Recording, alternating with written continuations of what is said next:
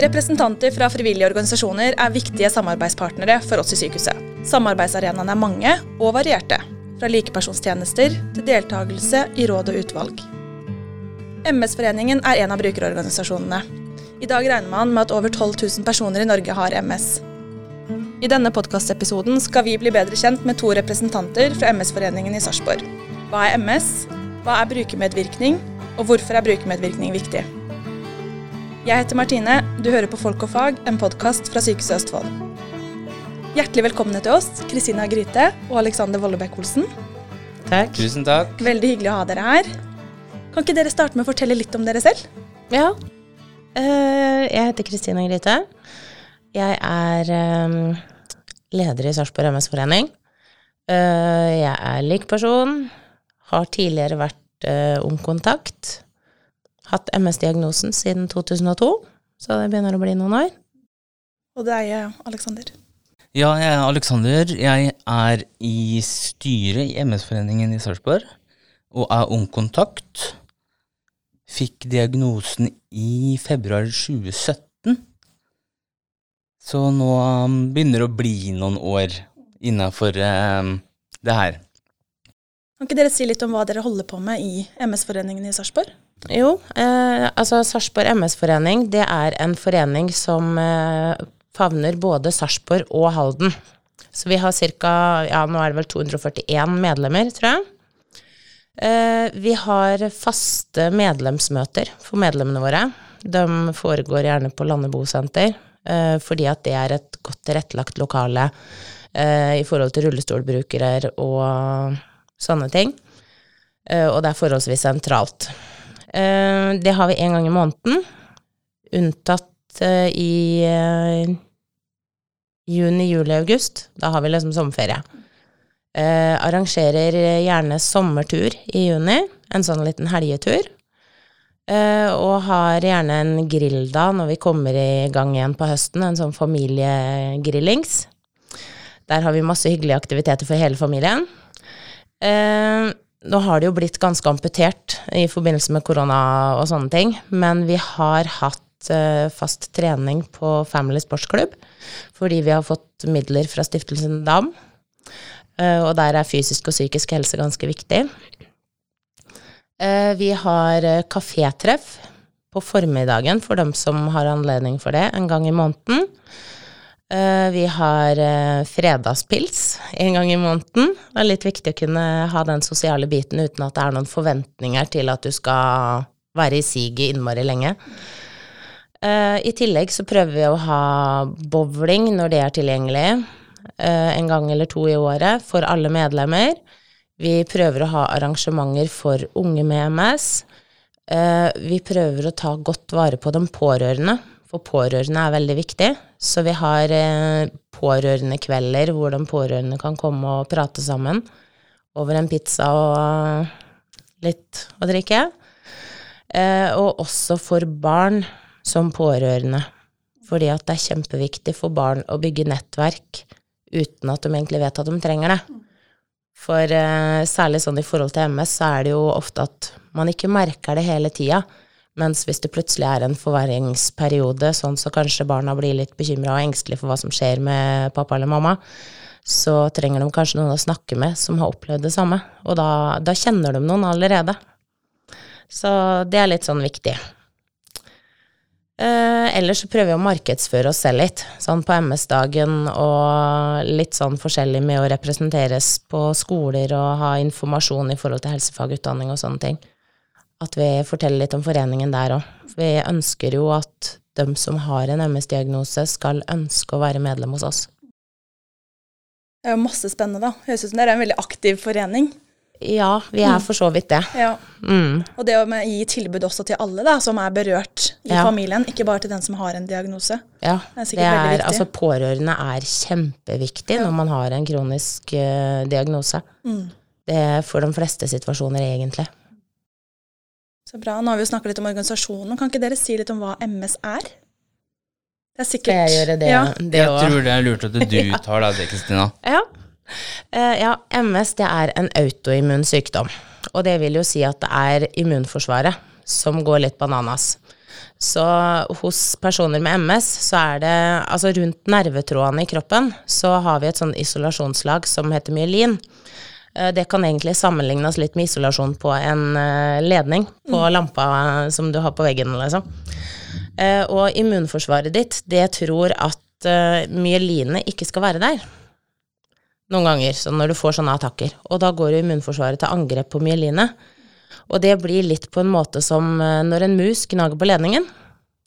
Og så blir det Da er ikke alltid det skjer noe. Altså når du skrur på bryteren da, så er det ikke alltid det blir lys i pæra, eller at det blinker litt, og lyset kommer på litt sent og sånn.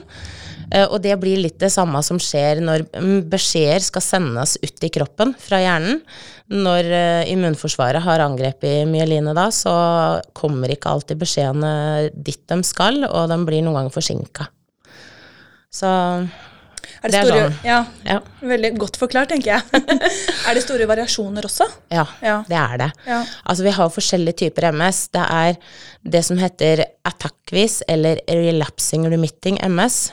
Det er det de fleste får, eh, blir diagnostisert med når de får en MS-diagnose. Og det er jo at du får et sånn attakk hvor du har en forverringsperiode. Du blir plutselig dårlig. Eh, Det kan jo gå utover hva som helst i kroppen, altså armer, bein, vannlating, sånne forskjellige ting. Eh, Men det kan gå tilbake igjen. Ofte da så får man jo, hvis det er en kjent MS-diagnose, så får du en kortisonkur som legger immunforsvaret ditt litt eh, flatt, sånn så kroppen får sjansen til å hente seg inn igjen, og myelinet får sjansen til å bygge seg opp igjen. Og der har du jo navnet egentlig på sykdommen, MS, for det multiple sklerose betyr jo mange arr. Og når myelinet bygger seg opp igjen rundt den nervetråden, så får du et sånn et arr, hvor det blir litt tjukkere vev, og da går jo signalene tregere for bestandig, da. Så, så litt sånn grums, sjøl om man blir frisk igjen etter attakk, så blir det litt sånn grums som henger igjen, sånn at du kan få litt sånn småplukk. Eh, Så har du primær progressiv MS. Eh, Den er mer pågående, altså at du hele tida har en sånn slak kurve eller slak sånn bakke, hvor uh, symptomene gradvis tiltar uten at du har den veldig klassiske attakka, at du merker en akutt forverring. Der blir du bare gradvis dårligere. Og så har du det som kalles for sekundærprogressiv. Uh, Det er ofte for veldig mange som har hatt attakkvis MS i eh, en lang periode, så kan den etter hvert gå over i en sånn progressiv, at, den, at du ikke lenger har de klassiske attakka, men at det bare blir progresjon, og at du blir gradvis dårligere. Fins det noen form for medikamenter eller medisiner man kan ta?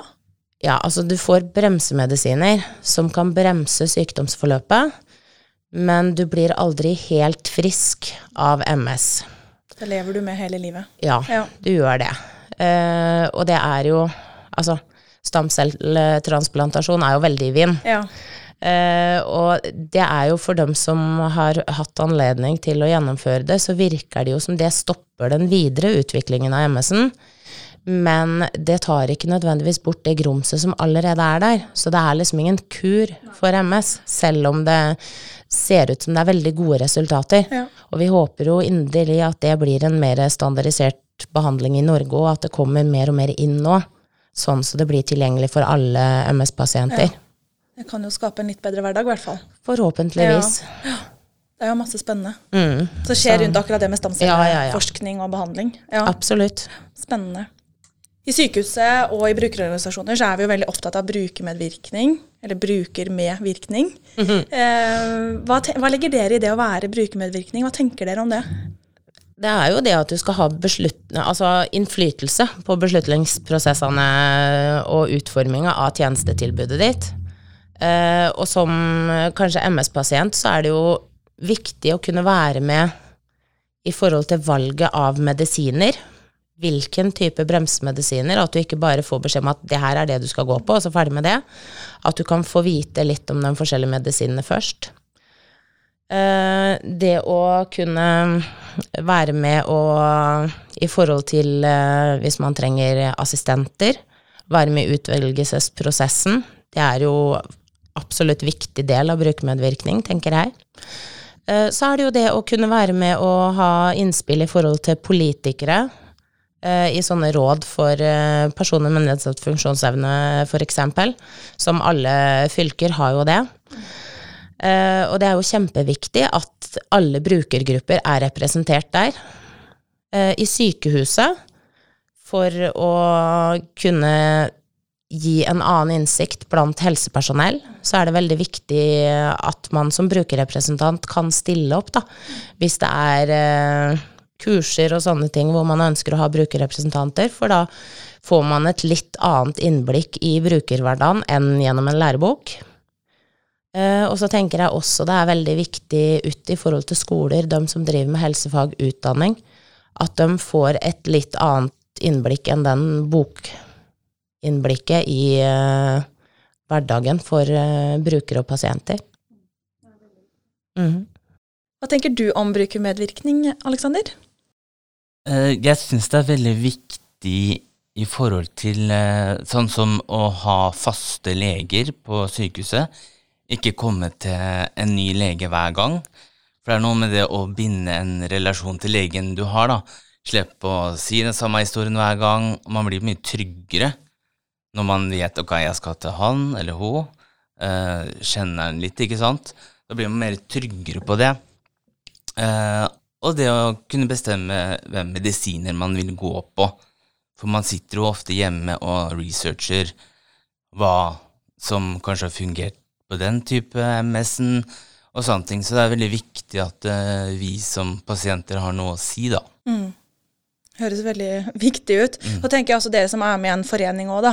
Som snakker med likesinnede som er i samme situasjon, får utveksle erfaringer. Og på den måten får man jo høre om hva som fungerer for de ulike òg, da. Ja, absolutt. At det påvirker jo også ønskene man har for, egen, for sitt eget liv. Mm. Ja. Så bra. Eh, MS-foreningen er jo én brukerorganisasjon i Norge, og det er jo rundt 150 av de totalt i Norge. Mm. Eh, og nå har dere jo sagt litt om hvor viktig det er for dere å være brukermedvirkere. Men har dere lyst til å si litt mer sånn på generelt grunnlag Altså hvorfor er det viktig at vi har brukerorganisasjoner, da? Eh, altså jeg tenker eh, det fellesskapet du får i en brukerorganisasjon, det at du møter andre i samme situasjon, er jo kjempeviktig. Eh, i, sånn som i MS-forbundet, da, så har vi jo MS-forbundet sentralt, arrangerer kurs for likepersoner, for å utdanne likepersoner til å faktisk være gode uh, på den jobben. For det å være en likeperson, det er jo ikke det samme som at du skal ut og være noen rådgiver for andre, men det er det at du skal være en som er på samme nivå med den du skal prate med.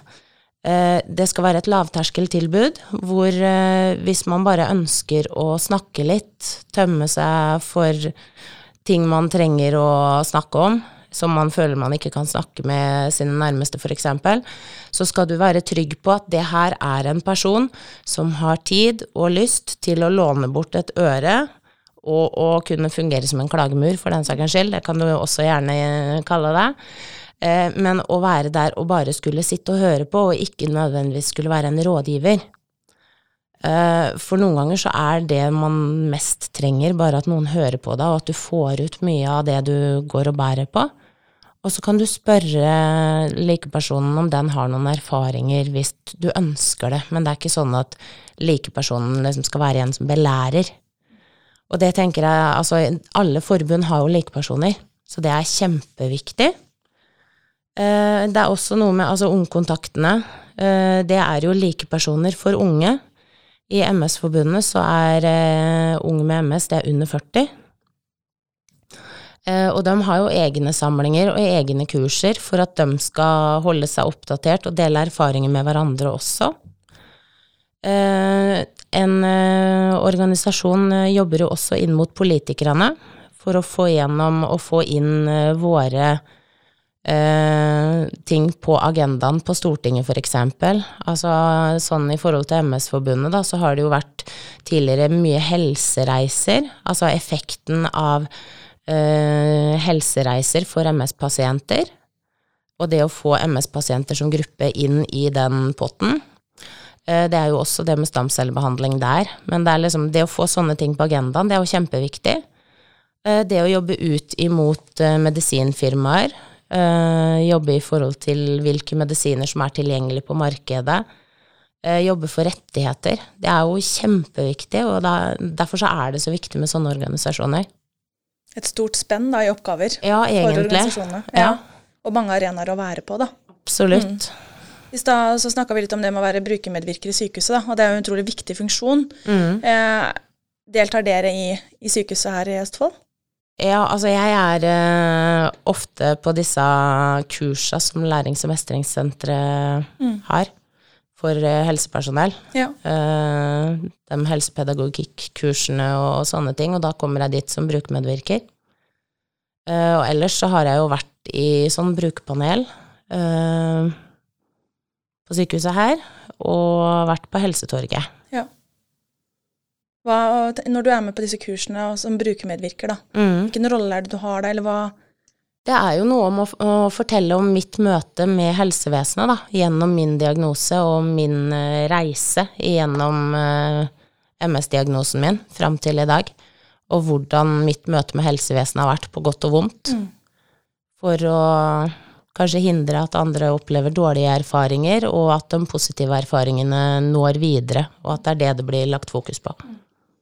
Og helsepedagogikk eh, er jo også et kurs som retter seg Altså det er jo for helsepersonell, da. Mm, Så det er jo utrolig viktig at de også får en, en innsikt i det brukerperspektivet. absolutt, Ja. for da får de det fra igjen en litt annen side Ja. enn boka. Enn hva, Ja. hva de får fra seg selv, ja. Mm.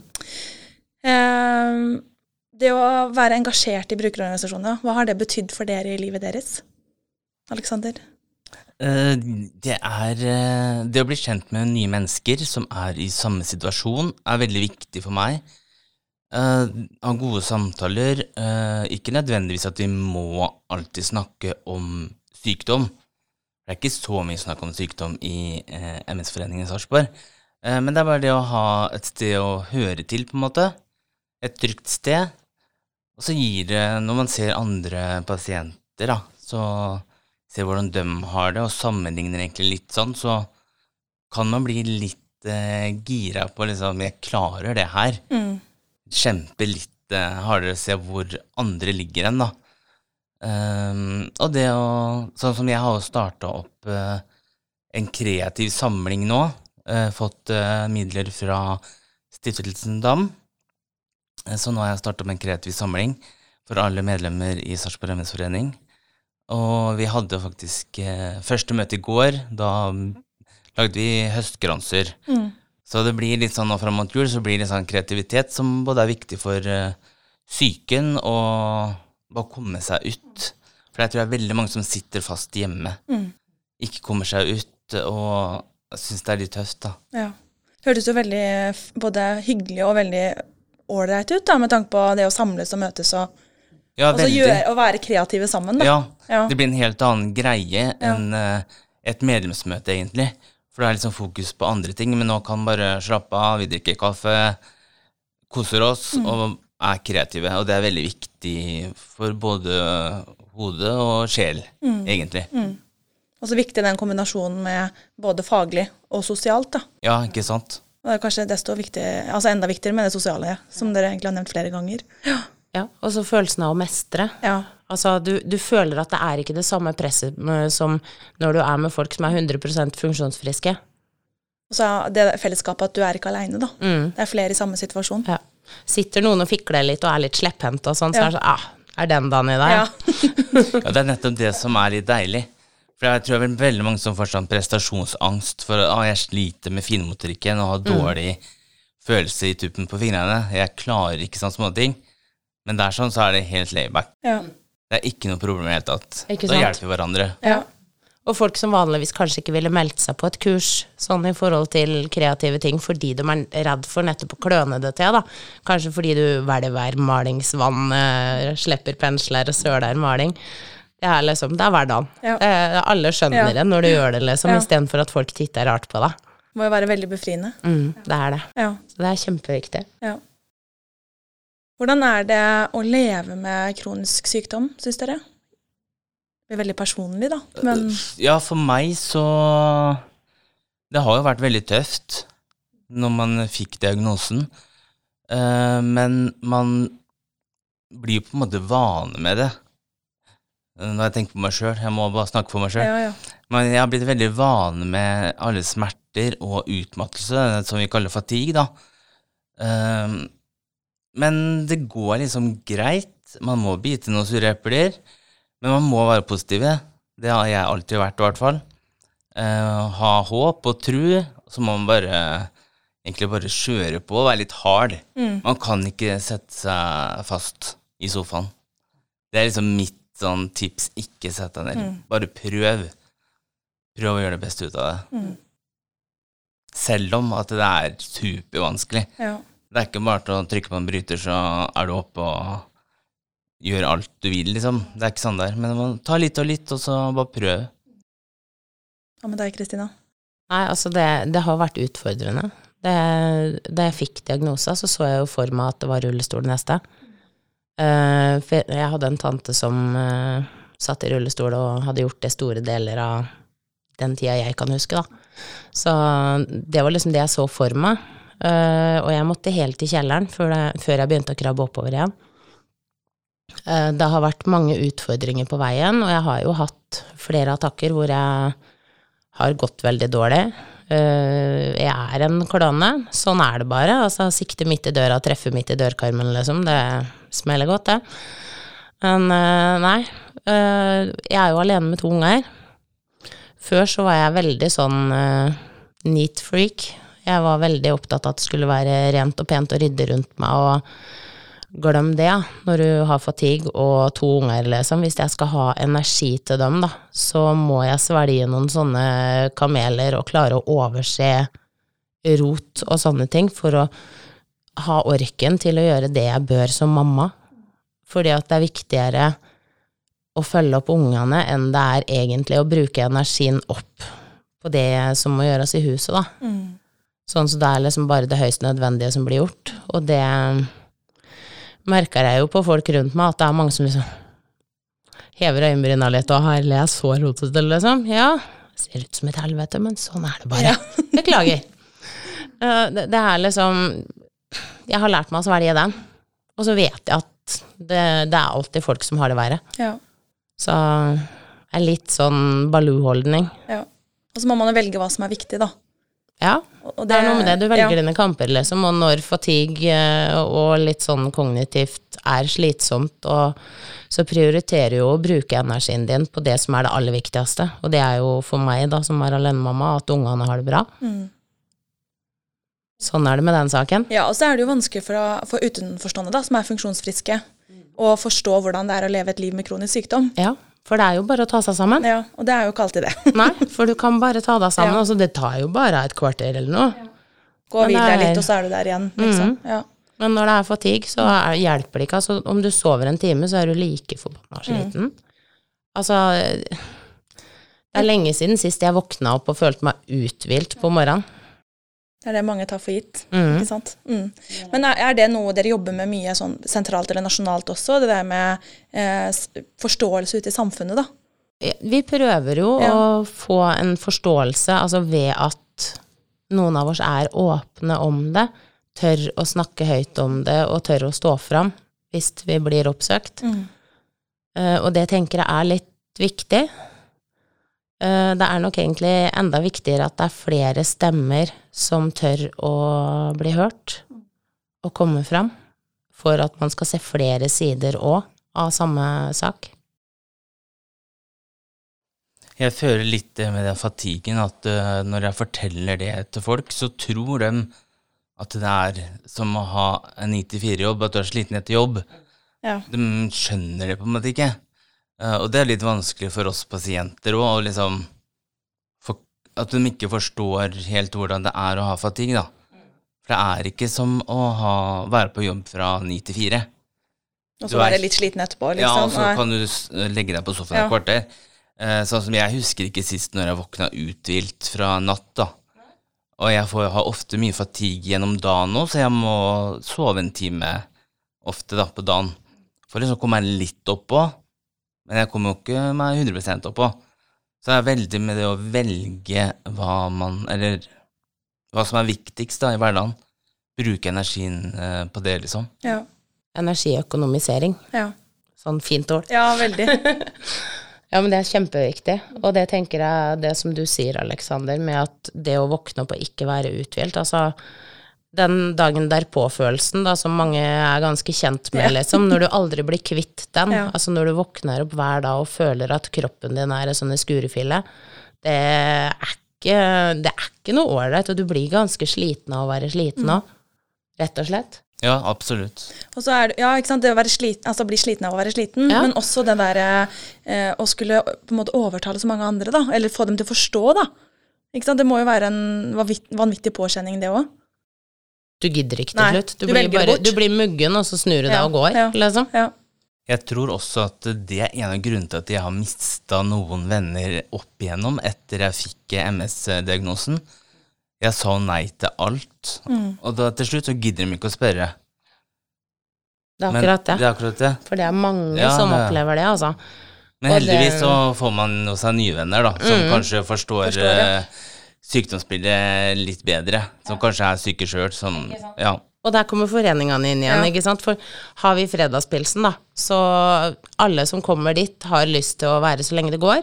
Men blir det for mye lyd, og du blir for sliten, så er det ingen som liksom Fy fader, festbrems, Ja. bare fordi du går hjem tidlig.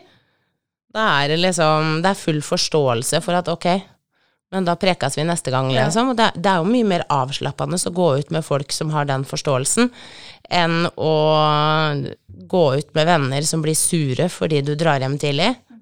Og det er jo derfor du også velger å si nei. ja, det er jo det. Ja. Vi er bare glad at folk dukker opp. Ja, Sammen det kvart kvarter eller en halvtime, bare komme seg og se liksom, ansiktet ditt. ja være litt sosiale, liksom. Så, og det tenker jeg det er jo kjempeviktig sånn i foreningssammenhengen, og at vi tar vare på alle, da.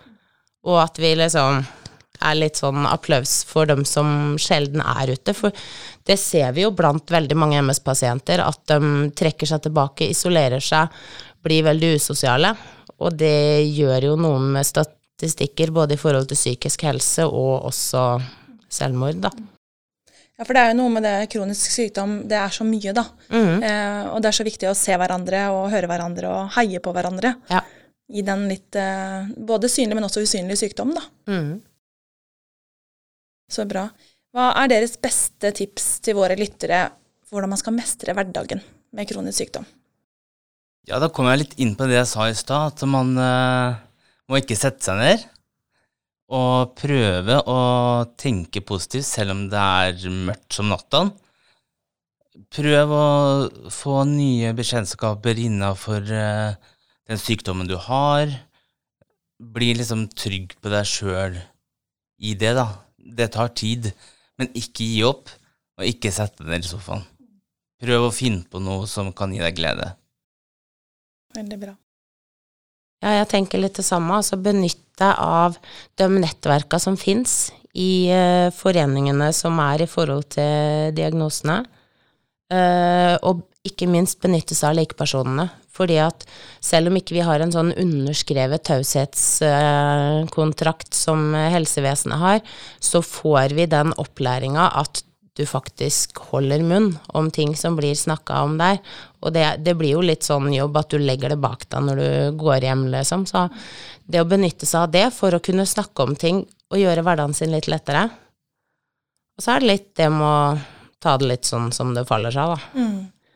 Og når ting blir utfordrende, så ikke, ikke gi opp, og ikke tenk at det er umulig, for at ingenting er umulig, det bare tar litt lengre tid.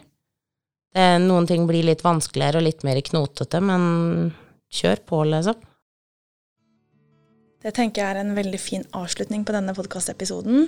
Og så tenker jeg også at vi som helsevesen da, er heldige som har brukerorganisasjoner som dere. Som er til stede og gir råd i utvalg og grupper der dere kan. da. Så tusen takk for det, og tusen takk for at dere var med i denne podkastepisoden. Takk for at vi fikk Tusen komme. takk. Og så vil jeg veldig gjerne takke for at Sykehuset Østfold har uh, laga denne podkasten her. Det er veldig mange som eh, har nytte av å høre og lære litt om sykdom og generelle ting som dere tar opp. Mm. Tusen takk.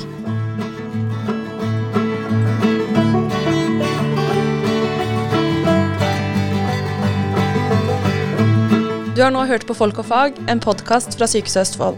Du finner oss på Spotify og Apple Music, og mange andre steder hvor du kan høre podkast. Husk å følge oss for å få varsel når vi slipper nye episoder. Hvis du likte det du hørte, setter vi stor pris på at du anbefaler oss til en venn. Og hvis du vil vite mer om temaet i dagens episode, finner du mer informasjon og relevante lenker i beskrivelsen av episoden.